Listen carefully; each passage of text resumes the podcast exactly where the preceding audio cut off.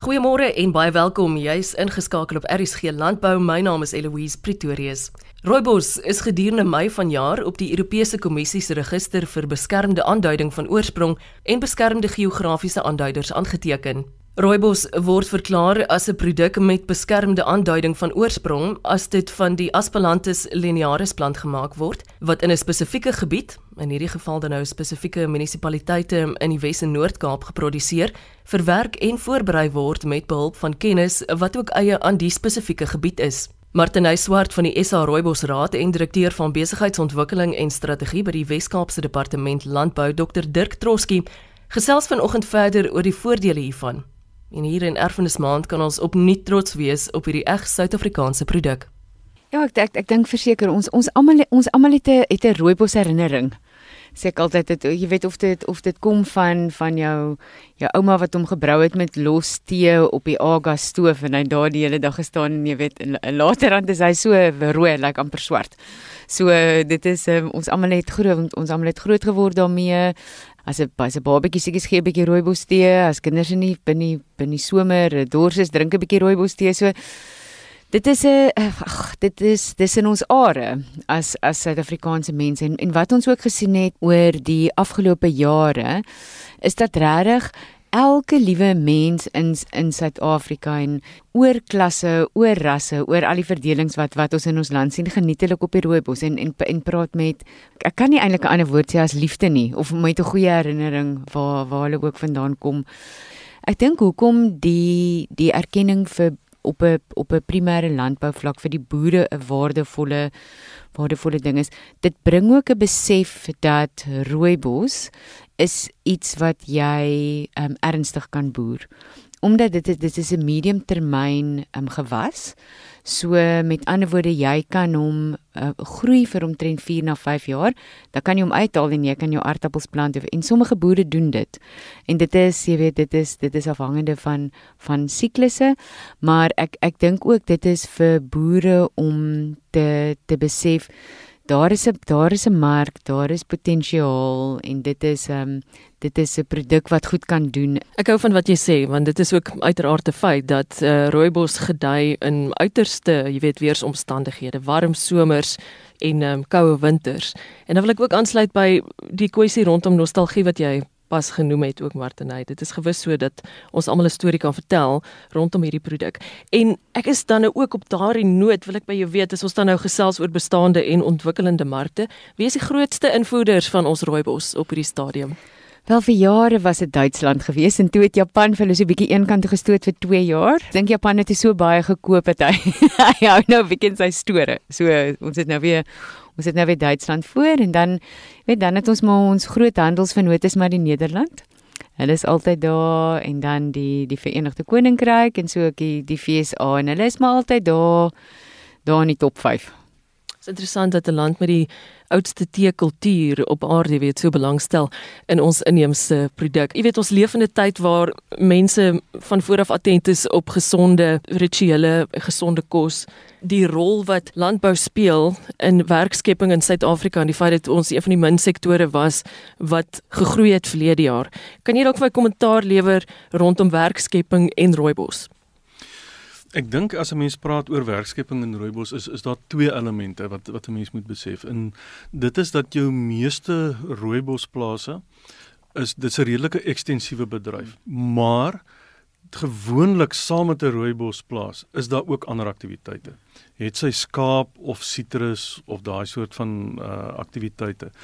Wat beteken dat jou jou rooibos bedryfstak tot hierdie produksie gee vir mense oor die langer termyn beter werksekerheid, verwyder die pieke uit die uit die bedryf uit.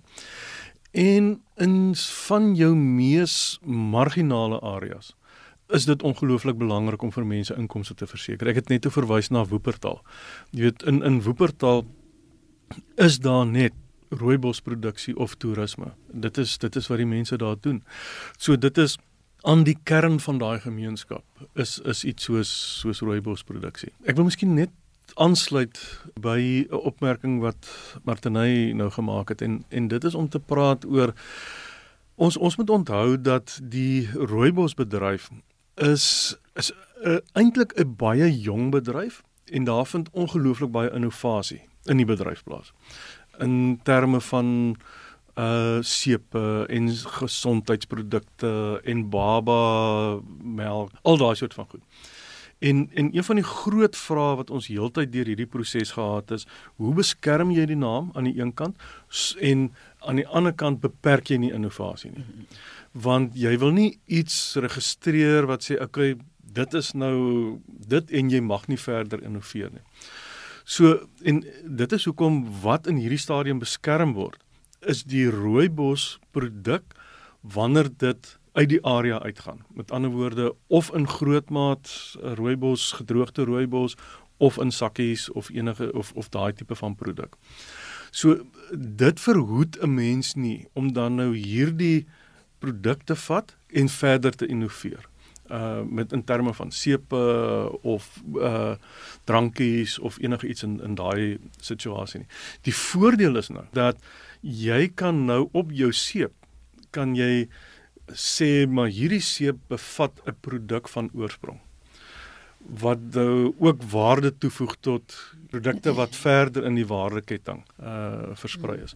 So en en, en ek dink ons moet nie, ook nie daardie voordeel vir innovasie en entrepreneurs wat dink aan nuwe geleenthede om hulle produk waarde toe te voeg en te bemark nie. Dit is 'n ongelooflike geleentheid daar. Kan ons regmaak vir nog Suid-Afrikaanse inheemse produkte wat op hierdie manier geregistreer gaan word? Ek sou sê verseker. So dit is ons het 'n ons het 'n baie ryk biodiversiteit in in Suid-Afrika. En daar is baie produkte in hierdie biodiversiteit en interessant Eloise die die internasionale belangstelling in die ontwikkeling van hierdie handelsketTINGS kom nou seker as ek vinnig moet terugdink sê maar 9 jaar al met met ons aan. Wat internasionale regerings soos die Nederlandse regering onlangs ook die Duitse regering het 'n baie spe spesifieke belangstelling in die die natuurlike uh, ryk biodiverse potensiaal van produkte in Suid-Afrika. Daar's tans ook pro projekte deur die deur die Duitse regering onderweg en 'n en 'n baie opwindende ehm um, is sal ek nou sal ek sê 'n uitkoms wat ons gehad het van van een van hierdie projekte is die moontlikheid om ook met met industrieë te werk soos heuningbos, soos aloe vera's en soos boegu en dan ook as ons 'n bietjie verder noord gaan na Rula en om en om te kyk of of daar 'n of daar 'n moontlikheid is van van registrasie. En ek ek dink die ek dink die feit dat ons so mooi bygestaan is as 'n as 'n bedryf om die eerste keer hierdie pad te stap en en dat ons net ons 'n bietjie kennis opgedoen het en dat ons so goed saam met dokter Troskele kon werk in die hele proses. Het die pad 'n bietjie gelyk gemaak vir die ander ehm um, produkte, inheemse produkte om om om ook te sê ja, ons ons sien hierdie hier is 'n wesenlike voordeel. Dit is nie uh, sê lekker om te hê hierdie nie. Dit dit is 'n wesenlike voordeel en dit help jou regtig ongelooflik en en ek het vir Dirk geskryf in 'n e-pos. En en ek, ek dink dit is belangrik mense raak soms omdat die proses lank is en die proses is tegnies, vergeet jy soms wat is die uitkoms en die uitkoms het vir ons as 'n bedryf op die mees aangename manier onkant gevang ons ons was glad nie reg vir die ongelooflike waarde wat die registrasie en die die moontlikheid om die tekentjie te gebruik sou hê nie. En en ek en ek wens dit graag vir baie ander inheemse bedrywe in Suid-Afrika ook. Gewis en ek sien ook daarna uit om binnekort weer met julle beide te gesels om te sien watter voordele dit dan nou daadwerklik ingehou het vir ons produseerders. Martiney ek self stap 'n pad met die Suid-Afrikaanse Rooibosraad van dit ek hierdie program maak en dis nou al byna 3 jaar so en hulle is altyd ruimhartig ook om boere by te staan. Wat is 'n goeie praktiese manier om met julle ouens kontak te maak?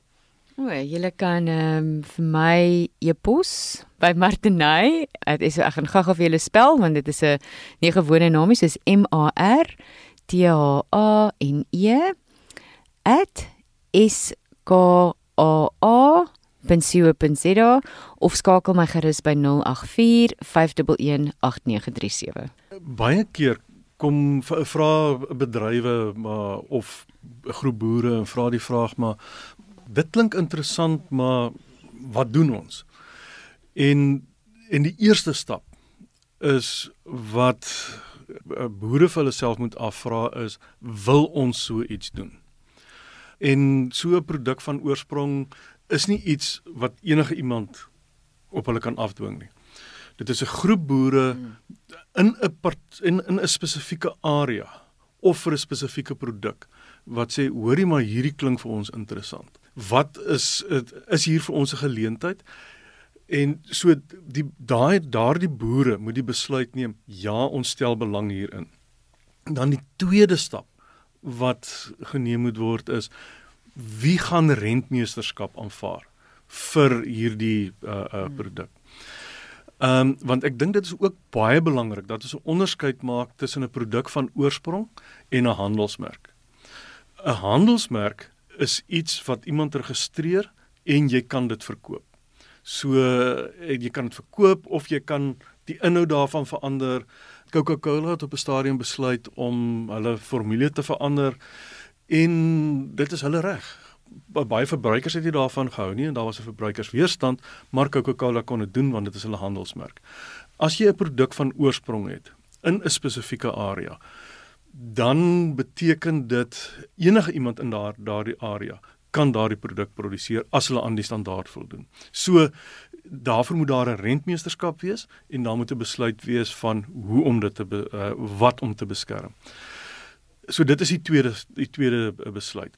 Nou dit is 'n moeilike proses en en ons as die Wes-Kaapse Departement van Landbou is altyd bereid om met produsente die pad te loop en vir hulle te ondersteun. Dit is aan die einde van die dag is dit hulle besluit. Dis die produsente se besluit wat hulle wil doen en hoe hulle dit wil doen ons kan vir hulle ondersteun en sê hoor hierso man dit is die volgende prosedures wat om te volg. En en ek moet nou by sê die die feit dat Rooibos die baanbrekers was hier het ook vir ons baie gehelp om te verstaan wat is die dinamika, wat is die uitdagings en uh in in in die pad vorentoe. Ehm um, so ons moet ook dankie sê vir vir die Rooibos tee bedryf dat hulle bereid was om die baanbrekers hier te wees van want dit maak werklik die pad oop vir 'n klomp ander uh produsente en boere en areas om 'n soortgelyke pad te loop. Ek ek dink ons het nou ek dink ons het goed um, goed oor die hele oor die hele storie gepraat, maar ek dink om net om vinnig aan te sluit by Dirk, indien daar boere is of 'n organisasie van ander produkte wat wel die die opsie wil verken om hulle eie registrasie te doen, is uh, mens moet mens moet dink aan die feit dat jy 'n produk nodig en hy's vas in sy plek. Hy's vas in sy manier van hoe ons hom verwerk en hy's vas in sy mense. En jy moet altyd al daardie faktore saamvat in jou aansoek en en in die aanwysing wat jy dan op die ouende registreer. Dit gaan nie slegs oor 'n produk wat iewers groei nie. Dit gaan ook oor waar hy groei, wie sy mense is en hoe sy mense vir hom verwerk. Dit dan Martinus Swart van die SA Rooibos Raad en direkteur van besigheidsontwikkeling en strategie by die Wes-Kaapse Departement van Landbou, Dr Dirk Troski. Deel hierdie goeie nuus landbou storie met nog iemand en vind dit op www.elsenburg.com. Onthou môre om kwart voor 12 weer in te skakel vir RSG Landbou. Ek is Eloise Pretorius en ek wens jou 'n voorspoedige Vrydag hier in die geselskap van RSG. Totsiens.